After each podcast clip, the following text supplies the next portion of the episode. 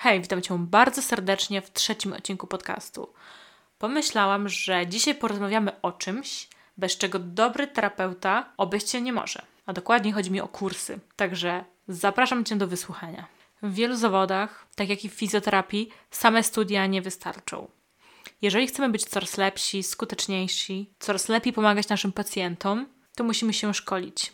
Nie ma innego wyjścia. Musimy brać udział w różnych warsztatach, kursach, webinarach, nie zapominając oczywiście o zdobywaniu tej teoretycznej wiedzy z takich podstawowych przedmiotów jak anatomia, fizjologia, biomechanika. I w trakcie studiów przychodzi taka myśl, że to już pora może zacząć robić coś dodatkowo, coś poza uczelnią, może w końcu jakiś kursik? Ale pojawia się też taka myśl, od jakiego kursu zacząć, bo jest ich tyle na rynku, że trudno się w tym wszystkim połapać. A samych dróg rozwoju przecież jest tak wiele. Ale może zacznę od tego, czy warto robić kursy już w trakcie studiów. Na przestrzeni kilku lat zauważyłam, że fizjoterapeuci podzielili się na takie dwa obozy. Jeden obóz opowiada się za tym, aby uczyć się już w trakcie studiów i uczęszczać na kursy, zdobywać wiedzę, doświadczenie. A drugi obóz mówi o tym, że nie warto robić szkoleń w trakcie studiów, ponieważ wiedza ta jest dosyć ulotna, a zdobywana praktyka nie może być od razu wykorzystywana w pracy z pacjentami.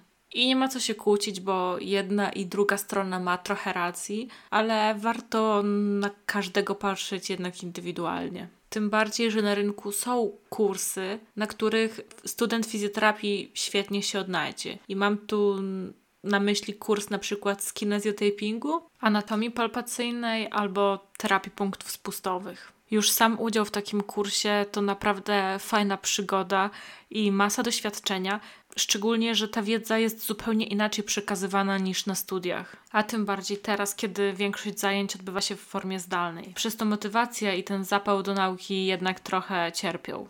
Także wracając do tego, czy warto robić kurs już na studiach, ja osobiście uważam, że warto. A jakie kursy? Tutaj już każdy musi odpowiedzieć sobie indywidualnie. Tak naprawdę zależy od tego, co komu w duszy gra i czy wiemy chociaż mniej więcej, w jakim kierunku chcielibyśmy iść.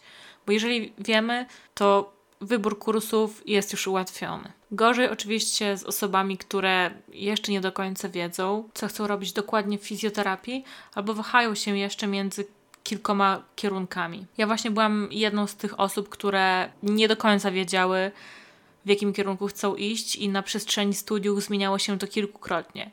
Mogę Wam opowiedzieć, że początkowo po zajęciach z ginekologii spodobało mi się to i myślałam, że właśnie pójdę w tym nurcie fizjoterapii uroginekologicznej. Później jakoś ta myśl umarła śmiercią naturalną i pojawiła się myśl o fizjoterapii pediatrycznej. I jakiś czas później poszłam na praktyki do szpitala dziecięcego i jakoś odechciało mi się bardzo szybko. Nie wiem, czego to była kwestia, czy samej placówki, czy metod, jakie były stosowane, czy tego, jak studenci byli tam traktowani. To już teraz jakby nie jest istotne. Aż w końcu doszłam do takiego etapu, kiedy wiem, że najlepiej czuję się z pacjentami bólowymi i najlepiej mi się z nimi pracuje i mam najlepsze efekty prowadząc takie osoby.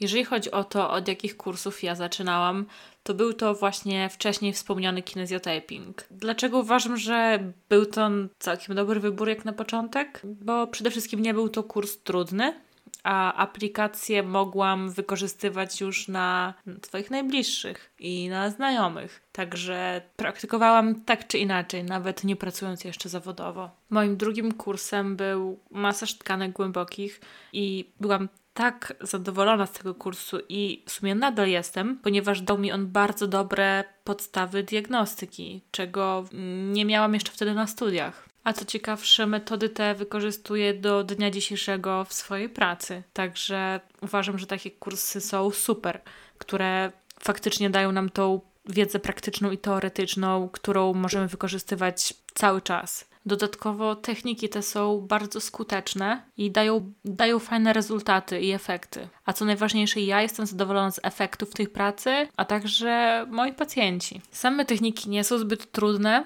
bardziej chodzi o ten cały proces zrozumienia, gdzie wykonać tą terapię i sposób, w jaki dochodzimy do tego, gdzie faktycznie leży problem. Razem z kursem masażu tkanek głębokich miałam też kurs e, terapii punktów spustowych, o którym wspominałam wcześniej. Niestety nie korzystałam z kursu anatomii palpacyjnej, więc nie mogę za bardzo się o nim wypowiedzieć. Mimo wszystko uważam, że jak na początek jest on bardzo fajną opcją bo tak czy siak elementy anatomii palpacyjnej powtarzają się na innych kursach, a sama anatomia palpacyjna jest nam potrzebna, tak jak wspomniałam w poprzednim odcinku, praktycznie na każdym etapie naszej pracy zawodowej. W trakcie studiów zrobiłam jeszcze inne kursy, ale już dzisiaj o nich nie będę wspominała, ponieważ chciałam tylko powiedzieć o tych, które uważam, że nadają się na początek i które są fajną opcją dla studentów, którzy jeszcze nie do końca określili, w którym kierunku chcą iść. Ok, myślę, że w tym odcinku to tyle. Jeżeli macie jakieś uwagi, komentarze albo chcielibyście się podzielić tym, jakie wy kursy kończyliście, to serdecznie zapraszam Was do napisania mi wiadomości albo komentarza na Instagramie o tej samej nazwie co podcast Fizjomotyw. Także dziękuję Wam jeszcze raz za wysłuchanie. Do następnego odcinka. Trzymajcie się. Pa.